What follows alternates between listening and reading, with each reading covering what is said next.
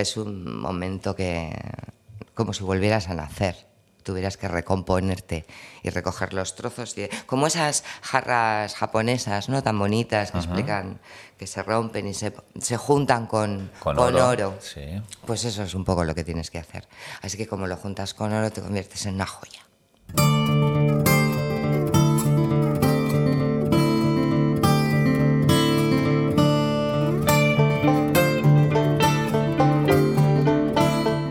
Nuestra anfitriona es la actriz, escritora y directora de documentales Susana Cosca. Esto es Estamos Dentro, un podcast de Ulumedia para ITV Podcast. John Martija es quien lleva los micros, pregunta y procura dar las puntadas con hilo para que todo quede bien cosido.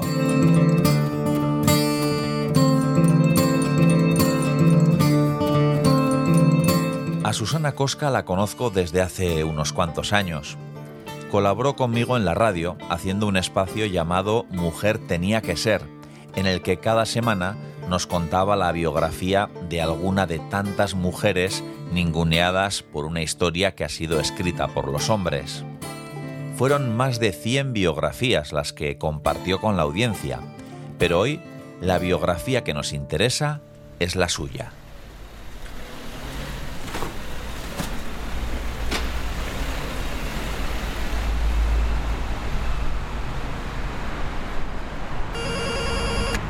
Susana reside en el barrio Donostiarra de Gros, en una de sus calles más bulliciosas, si no la más.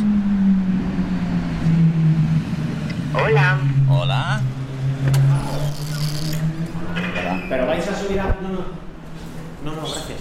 Pero vais a subir a casa. Bueno, se espera aquí a la familia del coche.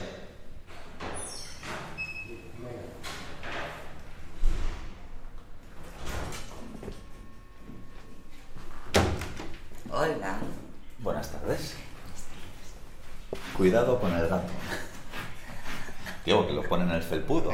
Sabes lo que es esto. Nosotros tenemos una baldosa en la puerta que pone También. cuidado con el gato. Nosotros en Barcelona también tenemos. ¿Qué tal? Muy bien. ¿Cómo estás?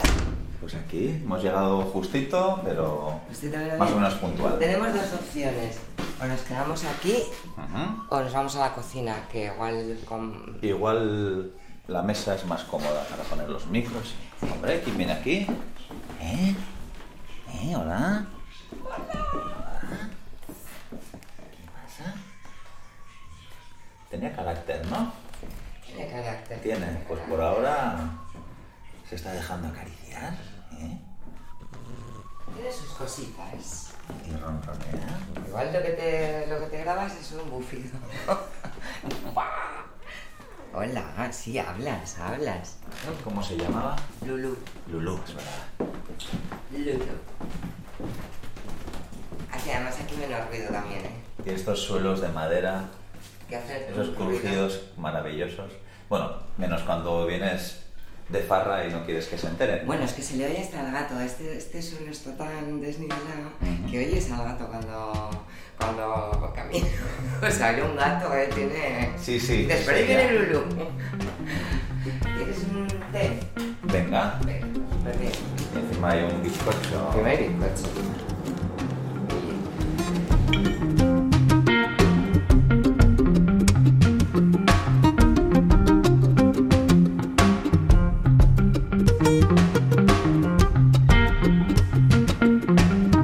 La casa de Susana tiene los techos altos.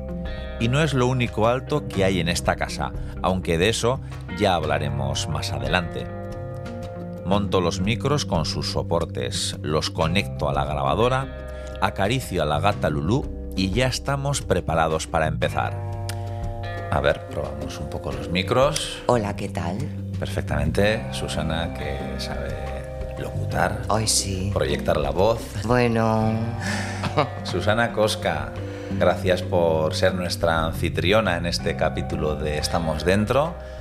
Capítulo de cocina, capítulo de cocina con gato y bizcocho. con gato y bizcocho de chocolate que tiene muy buena pinta. A ver, Te he comentado que normalmente no suelo tomar nada en casa de los anfitriones, más que nada porque encima soy lento comiendo. Entonces, Es como que, a ver Pues- si pues tengo puedes que hacer hablar. como si comes. Bueno, yo si, si hago una pausa larga es porque estoy todavía masticando.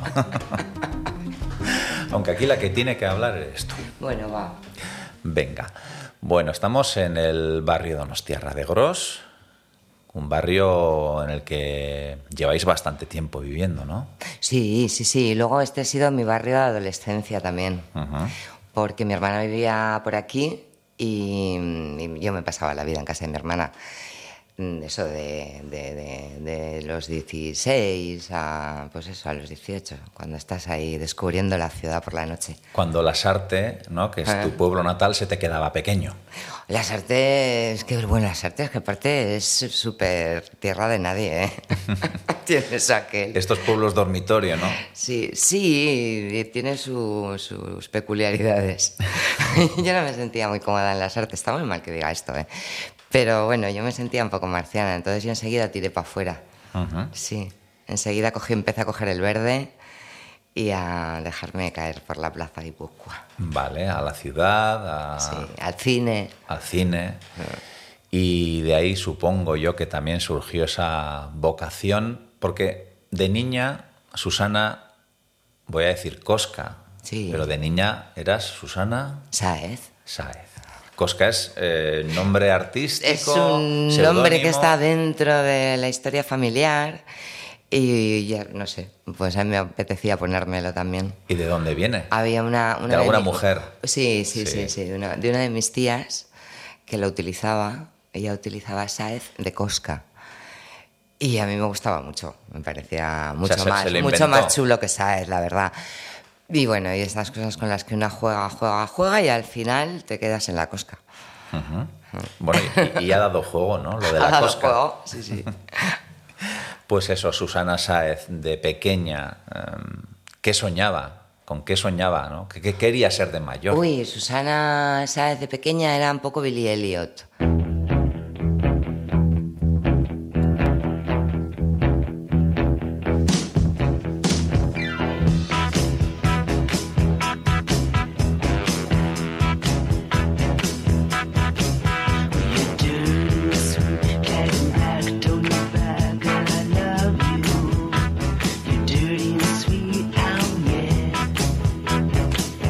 Yo empecé a bailar en las artes, en, en el cole, que vinieron unos profes a darnos clases de arte y eso, ojo, ¿sabes? Eso fue como, wow, pero ¿qué está pasando? Todo esto existe. Y empecé a dar clases de ballet y de allí pasé al conservatorio y así, empecé yo a venir a, las a Donosti, yo sola en el autobús, yo qué sé, tendría 11 o 10, 11. Y mm, Peter Brown y el Conservatorio de Música, pues bueno, fueron la bomba para mí. Mira, esa faceta del ballet la desconocía. Sí, sí. Pues sin él, no sé, a mí él, Peter me abrió un mundo de posibilidades, el arte, ¿no? Y la estética y la música y, y el teatro también, también el teatro, porque él era muy dramático y para él bailar, aparte de bailar bonito, era actuar. O sea que esa primera expresión artística Sí. fue el ballet. Sí, sí, sí, sí, súper importante para mí además. Y de ahí, ¿cómo das el salto a, a irte a, a estudiar arte dramático? Eso es, pues, pues yo qué sé, pues eso, pues a mí me abrió un, un mundo alucinante. Y entonces eh, tuve la, no sé si la suerte, la, la osadía de presentarme a las pruebas de arte dramático de la Escuela de Madrid, en el conservatorio, que no cogían a mucha gente, pero se presentaba muchísima porque era la escuela oficial, y me cogieron ¿Y tú en casa cómo cuentas? Porque en aquellos tiempos... Pues mira, yo ya debía apuntar maneras porque tampoco es que fuera una cosa como de, pero niña, no. Ujú. O sea, lo vieron natural, A ver, lógico y- natural, y, sí. necesario. igual, sí, hasta necesario. Dice, mira, igual, igual por aquí, Igual encuentra su camino. igual por aquí acertamos. Ujú.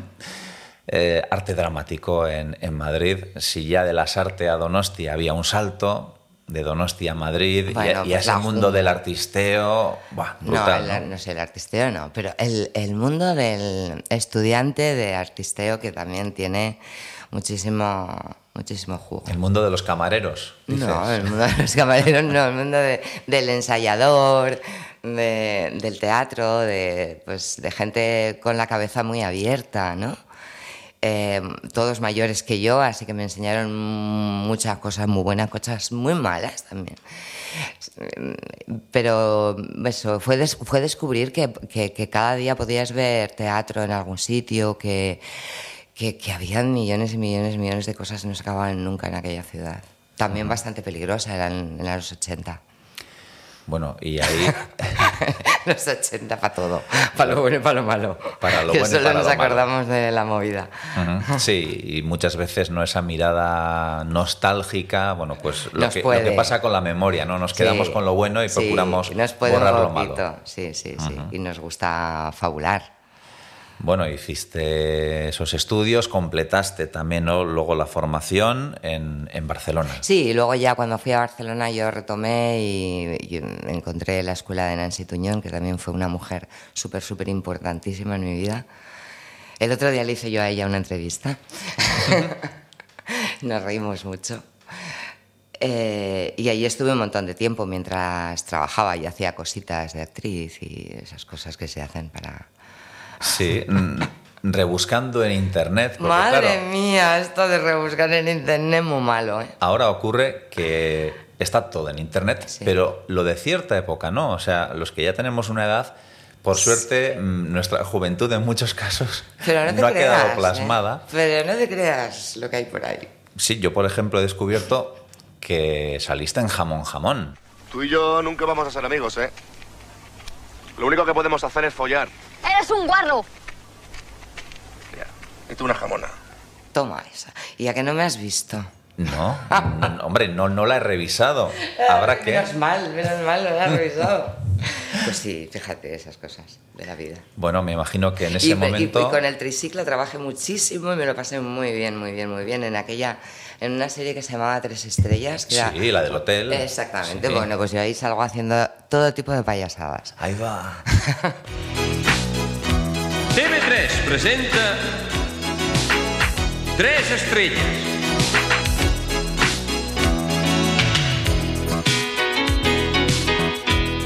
Sí, esa serie estaba muy bien. Estaba genial. Tuvo, tuvo mucho éxito, ¿no? En su momento. Sí, sí, sí. Y luego lo- con el triciclo hice varias cosas. Por lo visto me veían la gracia, fíjate. De enfermera con chicle, no sé. Eh, luego hice una serie que se llamaba La saga de los Clark. Eh, que era un- como una... un- eh, era muy divertido porque se grababa en un plano secuencia y pasaban millones de cosas, claro, en, en dos minutos. Y, mm, y se emitía dentro de algún programa de estos de Canal Plus que habían al principio de todo. Es que ya estamos, estamos hablando del principio de todo. En los programas que, que no iban codificados, ¿no? Eso es, sí, posiblemente. Bueno, pues me imagino que como experiencia, ¿no? Y el baquetearte en programas así, ¿no? El tener una cierta continuidad, porque lo del cine está bien, pero igual tienes una, una jornada o dos, Sí, o, o dos, o ninguna. o ninguna, o, o ruedas y, y cortan lo que Eso es. O, o se hace un piloto y no sale. O mm, millones de esas. Mm. Eran los principios de, de esa televisión, de las televisiones, y se, se- en esa época se grababa mucho y se emitía poco finalmente. Se probaba mucho, pero luego había muchas cosas que se quedaban por el camino. Y de esas haces muchas. ¿Qué más películas en las que podamos No, buscarte? no, no, de verdad. Bueno, em, no, no. Mira, hay una cosa que yo busco mucho, a ver si la encuentro, pero nunca, no, no está. Está en alguna plataforma de estas de cine español súper rara. Eh, que era una película eh, mm, con Jordi Cadena, muy bonita, en blanco y negro, sobre el poeta Foix, catalán. Y eh, aquella película tenía mucho encanto, pero no hay manera de encontrarla. Yo me rastreo, bueno, me rastreo para buscar eso, porque yo me recuerdo en aquel momento como muy estupenda. Pero bueno, pero vaya, no sé, tampoco es una época súper, súper importante. Hacías cosas y... Bueno, eso igual en la Filmoteca Catalana o así, ¿no? Sí, sí, posiblemente. Sí, porque luego él fue profesor del SCACS durante mucho tiempo.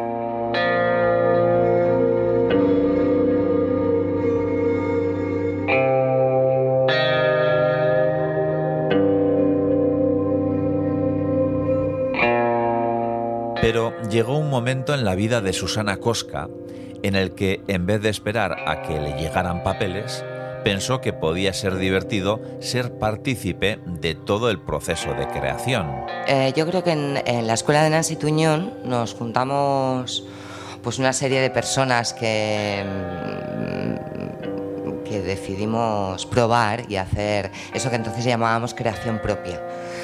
Y, y bueno, y una de las cosas que salieron fue Saldría a pasear todas las noches, de Bernarda Chá, que, mm, que a mí siempre me ha fascinado lo fácil que, dice las cosas, ¿no? Y, en ese momento ah, yo creo que acababan de darle el Premio Nacional de Narrativa también a Bobocac. A Bobocac. Y bueno, cogimos los cuentos y jugamos con poemas y hicimos Saldría a pasear todas las noches. Que, que resultó una cosa, una pieza teatral muy pequeñita, pero que tuvo unas críticas estupendas. Estuvimos muchísimo tiempo haciéndola. Y, mm, y, bueno, y ahí te das cuenta de que lo puedes hacer tú. Y bueno, y que era muy divertido también estar dentro y estar fuera, no solamente, eh, a, no sé, era bastante más divertido hacer todo que, que, que hacer un papelingui, hacer un papelingui en una peliculingui, que es, donde eras un muñeco, ¿no? A mí no sé, yo siempre he sido más inquieta. Detrás de cámara pasan cosas muy guays. Uh -huh. De Madrid a Barcelona, eh, que también pues tenía lo suyo. Pues también, eh, sí, pero pasé por aquí, ¿eh? Y bueno, dos grandes ciudades, ya está. En, esa, en ese momento, pues la gran ciudad, pues te apetece un montón, ¿no?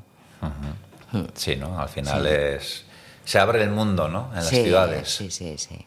Y contactas con mucha gente y conoces a mucha gente y, y, y, te lo pasas muy bien. Y en ese mundo, evidentemente, si querías trabajar, tenías que estar o en Madrid o en Barcelona. En Euskadi sí que había cosas, sí, pero también pero no, en, euskera. Sí, eso es. No, no, yo, o bueno, yo no, lo, no me lo. No me lo planteé. Yo la verdad es que me fui a Barcelona en el 80 y algo, 88 o así. Fíjate, todavía. Aquí no sé, yo no he tenido tampoco mucho contacto con gente de teatro aquí. -huh. Seguro que lo había, ¿eh? Pero bueno, habría, habría cositas, pero habría al final cositas. cuando uno está en otro sitio... Sí, pues, pues tienes que irte pues, un poquito más lejos. Uh -huh. Bueno, ese bizcocho... Pues dale. Sí, venga. Está cortado, ¿no? Sí. Okay. Sí, sí, sí. A, a, mí me gusta hacer bizcochos, pero... O sea, me lo paso muy bien haciéndolos, pero luego... Pues no me los como. ¿No te los comes? No me apetece tanto comérmelos como hacerlos. Y en casa agradecen que los hagas porque... Exactamente. Sí, vale, porque luego están los que... Entonces pregunto, no ¿está, más ¿está que... bueno? ¿Está bueno? Porque a mí, a si mí me ahora hacen... no me... Pues no, a mí no me apetece. A mí si me hacen, pues me los como y claro, luego... Claro, sí, eso pasa. Demasiado bizcocho pasa lo que pasa.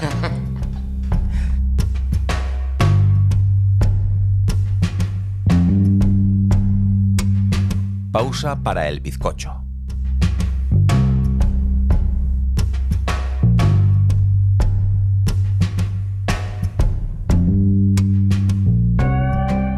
Entre esa biografía de Susana Cosca, ¿no? entre las cosas que podemos encontrar en, en Internet, encontramos una referencia de un libro que el libro no sé si, si ex, o sea, existir sí, existió evidentemente, pero yo creo que está descatalogado, que fue la primera biografía Ay, de Loquillo sí, y los trogloditas. Sí, de la editorial La Máscara.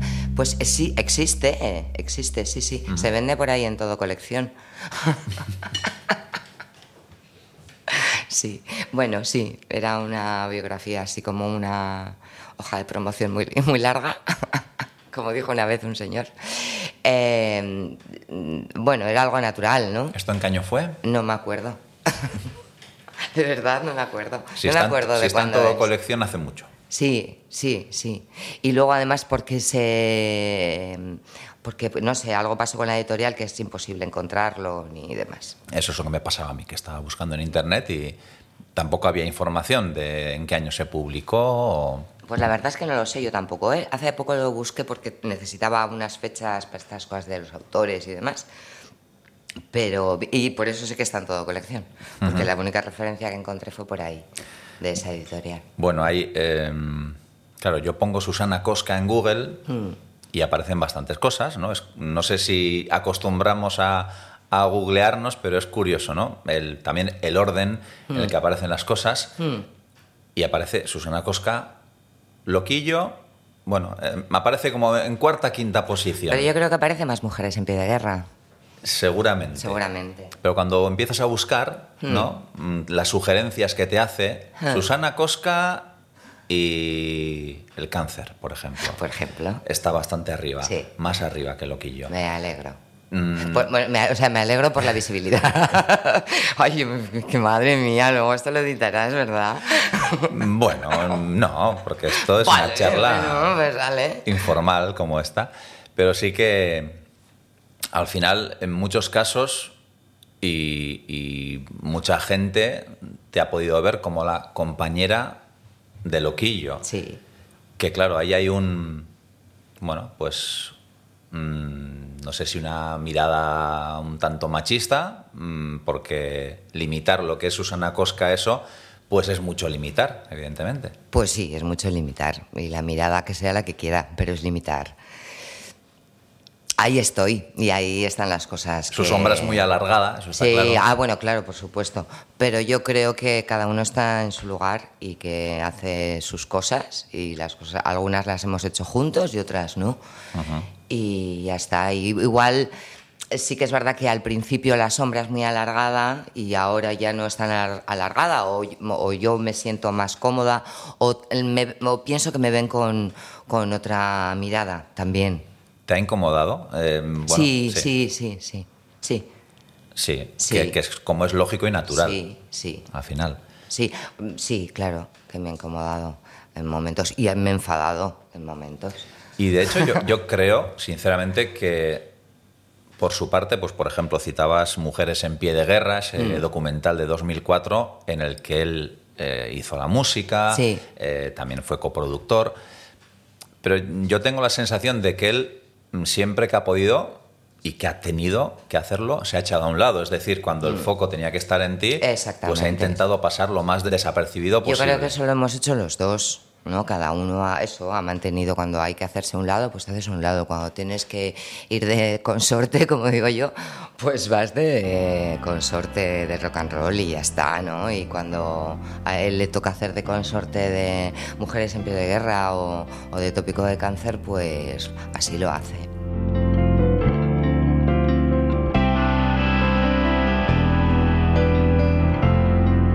Cuando se trata de mujeres y dicen hasta aquí hemos llegado, es difícil pararlas. O sea, yo pienso que la mujer es temible cuando lucha. Mujeres silenciosas, mujeres silenciadas, en pie de guerra permanente al final del túnel, la libertad robada. Mujeres en pie de guerra es el documental que Susana Cosca dirigió en 2004 y que hace no mucho se volvió a proyectar en Tabacalera, de la mano de la Filmoteca Vasca. Susana llevaba mucho tiempo sin ver la película, pero le pareció que una de sus mayores virtudes seguía presente. tiene frescura y tiene una generación de mujeres que no se repite. El casting es, mm, vamos, eh, inigualable. Sí, al final Y por eso se mantiene también. hablamos de una serie de mujeres ¿no? que, que fueron luchadoras antifranquistas, una historia que, que se recoge en ese documental, sus testimonios, y claro, eso, mm, si no lo llegas a recoger tú, se habría perdido. Pues como se, sí, como hemos perdido a muchas de esas mujeres. Y piensa que a esa generación llegó tarde hasta yo, porque ya son muy mayores. Eh, todas tenían 80, casi. Eran eh, 18 añeras en el 36. Cuando yo- eso, cuando yo llego ya son mayores y muchas se van quedando. De las que yo había leído los primeros libros que salen en el 76 o así, sobre an- antiguas luchadoras o expresas o, ¿sabes? Em, em, o militantes. Eh, ya, llegábamos, ya llegábamos tarde. Em, yo creo que el valor que tiene mujeres precisamente es eh, ese, que el testimonio es de primera mano, porque sin desdorar a nadie, eh, ahora ya lo que estamos viendo son terceras generaciones, es decir, una mirada sobre otra mirada. Que está muy bien también, porque, porque las estamos las estamos dando luz, pero escucharlo de su voz. De hecho, mi primera idea era hacer una obra de teatro. Entonces, eh, eh, yo me empiezo a sentar con estas mujeres y pienso, pero ¿a dónde voy? yo, ¿A dónde voy yo? ¿Qué actriz me va a hacer a mí? No de Neus Catalá, de, de, de, de Rosa Díaz, me da igual. ¿Quién va a contar mejor ¿Quién esto va que a contar ellas? mejor esto que ellas? Y así nace la idea de, de hacer el documental. Por eso, posiblemente, nuestra preocupación técnica no era, era grabarlas. Ahora, o sea, si, si hubiera nacido con la idea de un documental y tú haces tú una escaleta y, te, y buscas a las personas y tal y cual, vale, no, pero es que lo fuimos haciendo para tenerlo, para tenerlas a ellas grabadas. Esto no me, no, no me disculpa ¿eh? de, de, de, cosas técnicas que, que, son eh, de falta de dinero, de falta de presupuesto, nada más. Sí, ¿no? porque al final fue una película que se estrenó en el Festival de Cine y Derechos mm. Humanos de San Sebastián, que se estrenó en cines, que, sí. bueno, en aquella época, sí, sí. el que los Había... documentales llegaran a los cines todavía era bastante. Sí, era complicado. Y luego, aparte, no te tienes que. O sea, había que. Ibas al cine en 35. Un proyecto como ese cuesta entender por qué no tuvo más tuvo, ayudas. Tuvo, tuvo. Ayudas, o sea, ayudas para hacerlo. Eh, pues bueno, posiblemente porque el gobierno que había era el que había. Pero una vez se estrena, el documental se ve. O sea, yo hacía bromas y decía, me voy a hacer una camiseta que ponga mujeres en pie de guerra on tour, porque era la lista interminable. en serio. Uh -huh. O sea, yo fui a todas las escuelas, casas de cultura, institutos, universidades. Yo que no he ido a la universidad, de pronto me veía ahí sentada, pensaba, no me lo puedo de creer. Pero bueno, eh, eh, incluso en, en, pueblos donde te, lo, de, te anunciaban por megafonía a la hora del mercadillo. Así. Así, fuimos a todos los sitios. Había veces que se veía en tres sitios a la vez, en filmotecas. El Instituto Cervantes la llevó por toda Europa. Sí que pasaron cosas, pero es que aquello fue en el 2004. Ajá. Y han pasado años también. Han pasado años, pero bueno, que al final mm. el poder conseguir ¿no? que esa historia y esas, sí. esas voces, esos testimonios llegaran a tanta gente mm. y que gente que podían ser sus nietos mm, descubrieran, ¿no? De hecho familiares de esas mismas personas desconocían esa historia. Sí, sí, sí, sí. Yo creo que esa generación eh, quiso evitar eh, perpetuar rencores y dolores. Y la generación que vino después, nuestros padres, que fueron los que no nos contaron nada a nosotros, quisieron pasar una página para sobrevivir, posiblemente.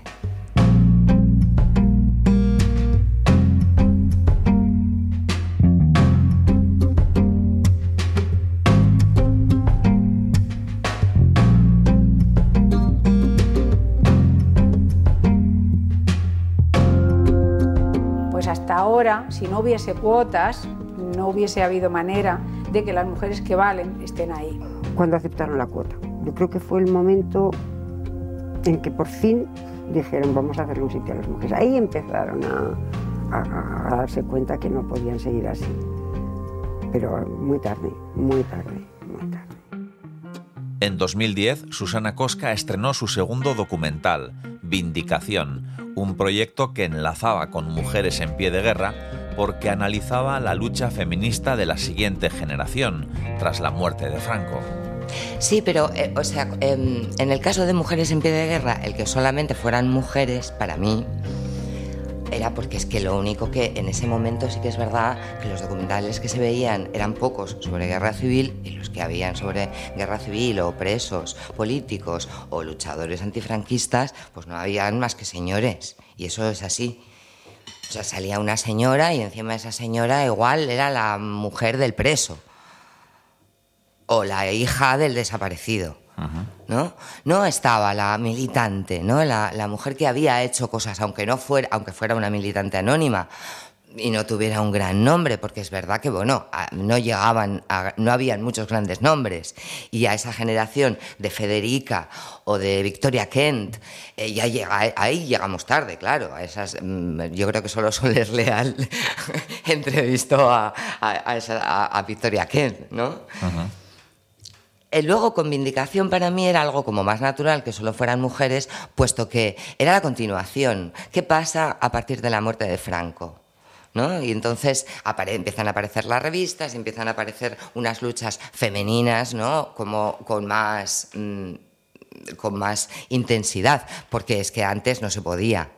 Entonces, ¿qué era lo que ocurre con aquello? ¿No? Cuando muere Franco, que eh, hay, em, yo creo que la última palabra o el último parlamento de Mujeres en Pie de Guerra es yo quise volver a hacer la revolución inocente de mí.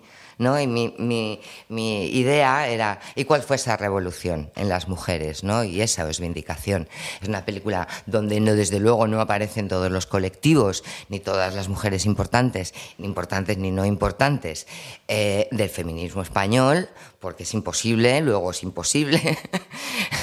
Pero sí que yo lo veía como esto contado para parvulitos, ¿no? Esto es lo básico. O sea, divorcio, aborto, cuáles son las, nuestras reivindicaciones en ese momento, ¿no? Para que se entienda facilito. No es, una, no es un documental sesudo. Ujú.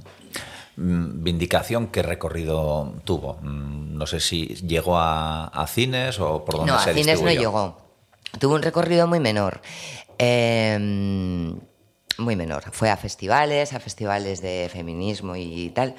Pero yo creo que fue recogido raro porque mm, mm, no pones a todo el mundo. Es, que es muy difícil contentar ahí. Y en una hora uno no, no contenta, es muy difícil contentar. Y no recibió apoyo tampoco, un apoyo desde donde tenía que haber sido apoyado. ¿no? O sea que, quizás se retrata más el que no sale que, que el que sale, ¿no? Pues por no salir. mm, Pues por no salir. Porque te has dejado esto, porque te has dejado esto. Todo el mundo, pero claro, es muy, es que hay que hacer una serie en todo caso. De hecho, nadie lo ha hecho, ¿eh? O sea, nadie ha hecho un documental sobre unos años concretos del feminismo español, como es Vindicación. bueno, estás a tiempo. Las nuevas generaciones pueden hacerlo. También.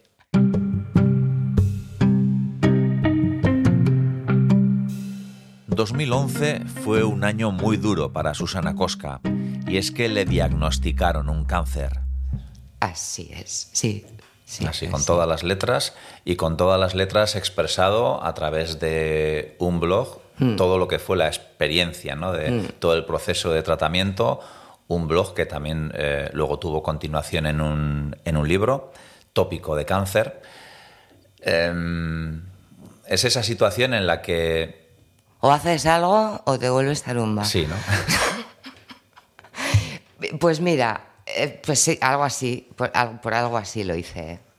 Porque pensé, bueno, esto o, o- o- o- o lo pongo sobre el papel o, me come viva. Y, mm, y yo venía de hacer trabajo de campo, era una manera de hacer trabajo de campo. Esto está pasando ahora, esto pasa el día 1 de la quimio, esto pasa el día 3 de la quimio. Sí, fue una manera de explicar el proceso el proceso y el protocolo y también el proceso mental, ¿no? La, pues mm, toda lo enfadada y lo rabioso que te sientes a veces y lo confuso y, y, mm, bueno, es que es un momentazo de tu vida. es un momentazo de tu vida. en un proceso ese Hmm. en el que, por mucho que te lo cuenten, y tú lo cuentas, ¿no? Y lo cuentas para gente que quizás lo está pasando, que ha tenido cerca a alguien que lo ha pasado, que esperemos que nunca lo pase, pero tiene que ser complicado, ¿no? El, transmitir lo que una está sintiendo. Yo creo que cada uno vive su propia experiencia, ¿eh? eso también. Y ya está, y yo le puse palabras a la mía. No sin sentar cátedras. O sea, lo que me pasó a mí no tiene por qué pasarle a, a mi amiga o a mi hermana. O desde, desde donde yo lo viví también. eh, no sé, mm, habrá, mm, habrá gente que se ha podido sentir identificada porque ha sentido cosas parecidas o porque ha vivido cosas parecidas, pero habrá gente que para nada. Yo creo que es una experiencia única de cada cual y cada cual la afronta pues ahí con, con sus cosas. Esas fueron mis palabras sobre esa experiencia. Y de hecho también eh, el que puedas percibir una mayor sensibilidad o empatía mm, por parte de los médicos, por ejemplo, ¿no? que, te, que te estén tratando en ese caso, pues a veces, y eso lo comentabas también, ¿no? a veces llama la atención que sí, para ellos es algo del día a día, pero para ti, mm, persona, es, se te ha caído el mundo. Para ti es eh, un momento mm, que ojalá no vuelvas a vivir, ¿no? Y te, te- te- Yo entiendo, ¿eh? O sea, yo he ido entendiéndoles con los años. Y me doy cuenta, porque con los años también ha pasado una cosa bastante curiosa, es que se acercan sanitarios a mí, ¿vale? O sea, mi experiencia, que yo pensaba que podía eh, ser más fácil de entender en los pacientes, a los sanitarios les ha ayudado a vernos de otra manera, quizás, o a, mm, a enten- a- yo creo que también a ver las faltas del sistema, ¿no? Porque no es culpa suya, ellos no tienen tiempo para atendernos tanto como nos- hoy. Eh, Atendernos en el, en el sentido de explicarnos un poco qué va a pasar, ¿no? Yo, yo creo que hay eh, que eh, la inmersión es muy, muy, muy a lo vivo. O sea, te encuentras con un panorama que no sabes por dónde te cae las, las cosas, ¿no? O sea, es como es la, como el título de esa película toda a la vez y al mismo tiempo, pues eso, ¿no? O igual hay gente que lo toma con más tranquilidad, pero para mí fue explosivo. Aunque lo había vivido con, con, con mi madre y todo eso, pero bueno, pues ya está. Como decíamos, también tenías un blog, Hmm. el libro, las presentaciones. eh, tenías feedback de, de gente que, que agradecía el esfuerzo que estabas haciendo. Sí, el, el- de hecho el libro aparece porque el, el blog funcionaba bien. El blog funcionaba muy bien. Se leía y, y- y había mucha respuesta de la gente. Estás poniendo, estás dándole luz de pronto a alguien pues que con sus palabras no puede decirlo y tú las estás se las estás poniendo en la boca, ¿no? Me sigue pasando ¿eh? con, con el tópico, curiosamente. Yo pensaba que, que mm, los años también se le iban a echar encima y porque luego también hay casi un género, ¿no? Ahora eh, quiero decir que muchas personas más han contado su experiencia y la cuentan desde aquí o desde allí, o de, de- desde, distintos, desde distintas posturas. Pero eso yo creo que, que, mm, pues que le puse palabras a, a un momento especial. Las presentaciones me daban un poquito más de pereza, ¿verdad? El, el cara a cara, quizás. Eh, No sé si el cara a cara, pero es como si te pusieras una corona de la enferma perpetua, ¿no? Y ay, eso era un poco... Ay, ¿cómo estás? ¿no? Era como, pues estoy bien. Pero, pero bueno, pero... Pero yo creo que le ha servido a mucha gente para... Y para hacerse preguntas también y para darse cuenta que uno se puede enfadar dentro de esto, porque nos eh, quieren tan buenos pacientes y tan formales y tan, tan positivos, ¿no? capaces de afrontarlo Y que de esto se puede hablar. y que de esto se puede hablar. No, mm, falleció por una larga enfermedad, que Eso suele ser, ¿no? sí. Un poco el eufemismo. La lucha contra el cáncer. Después de muchos años de lucha contra el cáncer, a mí eso me da mucha rabia. Eso de que te erijan en luchador, de que bastante tienes con lo que tienes. Como para tener que luchar contra, contra una enfermedad que no se cura. Pues ya ves. ¿No? Qué grande el dragón, ¿no? Ah. ¿Qué, qué se queda en el camino de Susana Cosca después de eso? ¿Qué cambia? Ah, pues yo creo que lastre, mira. Yo creo que lastre. Y, lo, y que la que viene, o sea, la que vino, la que salió de la larva, está muy bien. Mm, Sí. Lo que no se puede decir es que esto no te cambia. Eso yo creo que no. No sé si para bien o para mal. O sea, eso de, no, serás mejor después. No, eso tampoco lo tengo tan claro. Pero sí que, sí que te, te- ¡paf! Es un momento que, como si volvieras a nacer.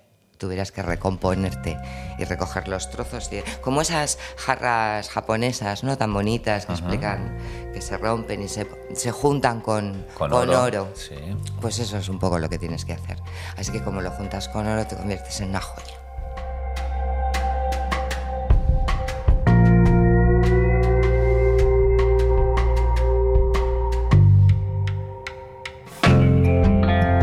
Aunque esta cerámica no está rota, seguimos juntando las piezas de la vida de Susana Koska con oro, como hacen los japoneses con la técnica kintsugi.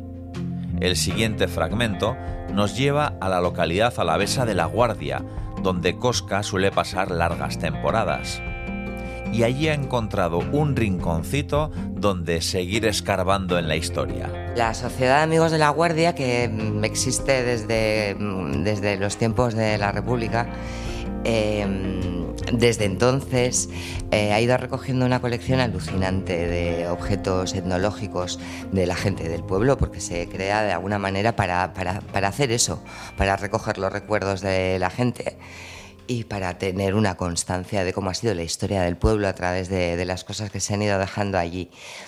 Eh, yo llego allí eh, mm, para salsear en unos papeles de la guerra civil eh, que me han dado para años y lo que dure, porque todavía no me lo he terminado.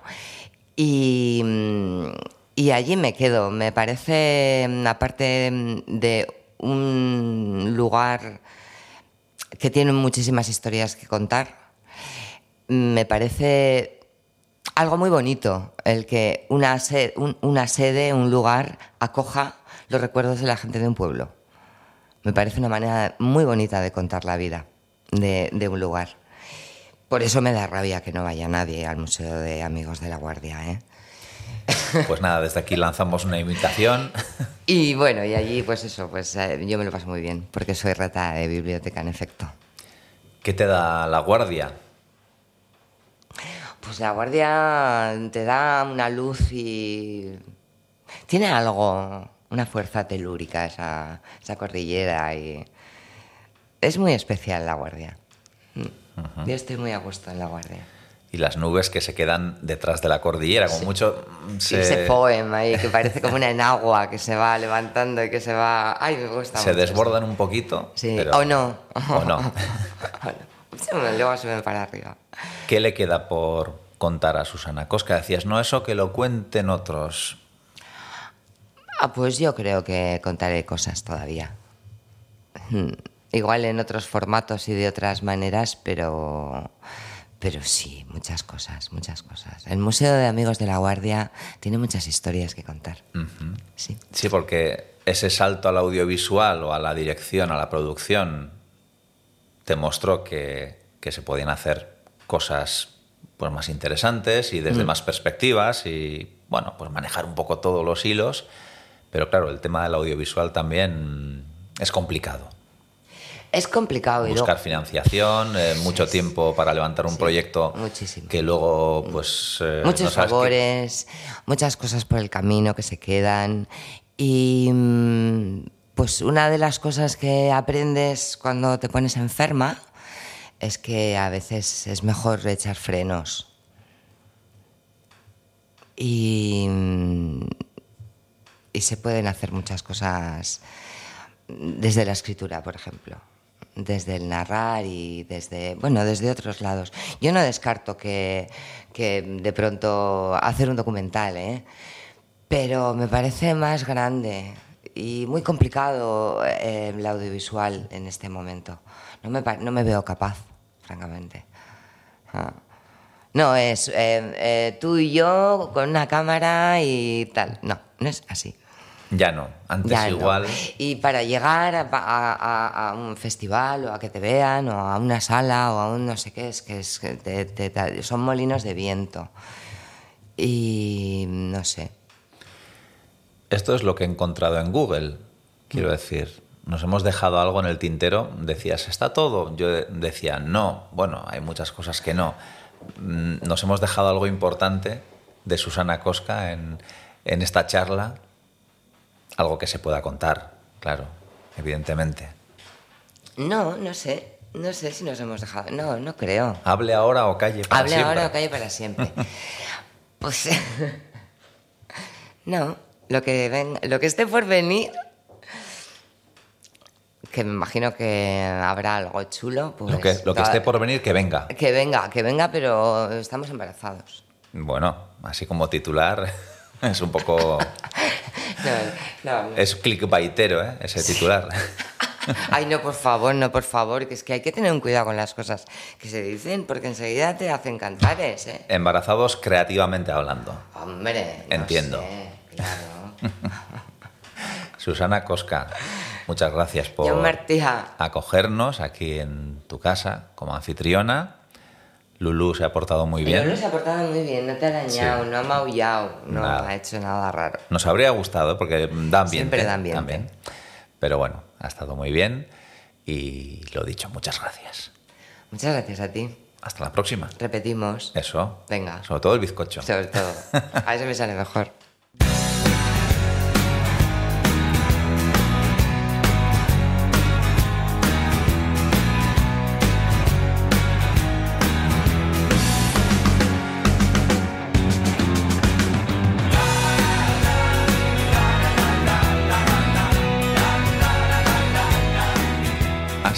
Nuestra visita de hoy.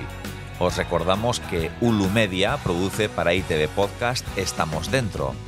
Podéis suscribiros en vuestra plataforma de audio favorita para no perderos así ninguna de nuestras visitas, que nos hace mucha ilusión que nos acompañéis. Un saludo de John Martija. Y por cierto, el bizcocho de chocolate que ha hecho Susana estaba muy bueno. Cerramos este capítulo con un tema de Loquillo, de cuya letra es coautora Susana Cosca, El hijo de nadie. Hasta la próxima visita. Necesito de tu protección. Soy un peligro cuando entro en acción. Una especie en extinción, animal de rock and roll.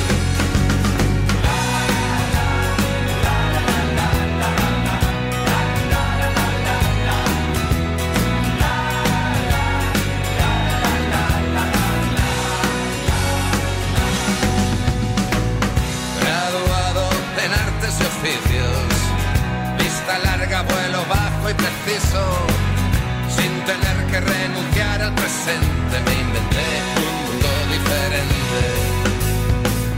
Necesito de tu protección, soy un peligro cuando entro en acción, una especie en extinción, animal de rock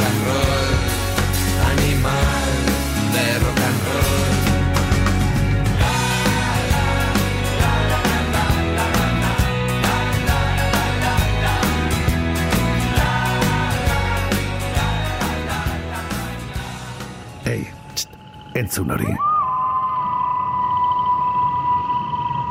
Ulu Media.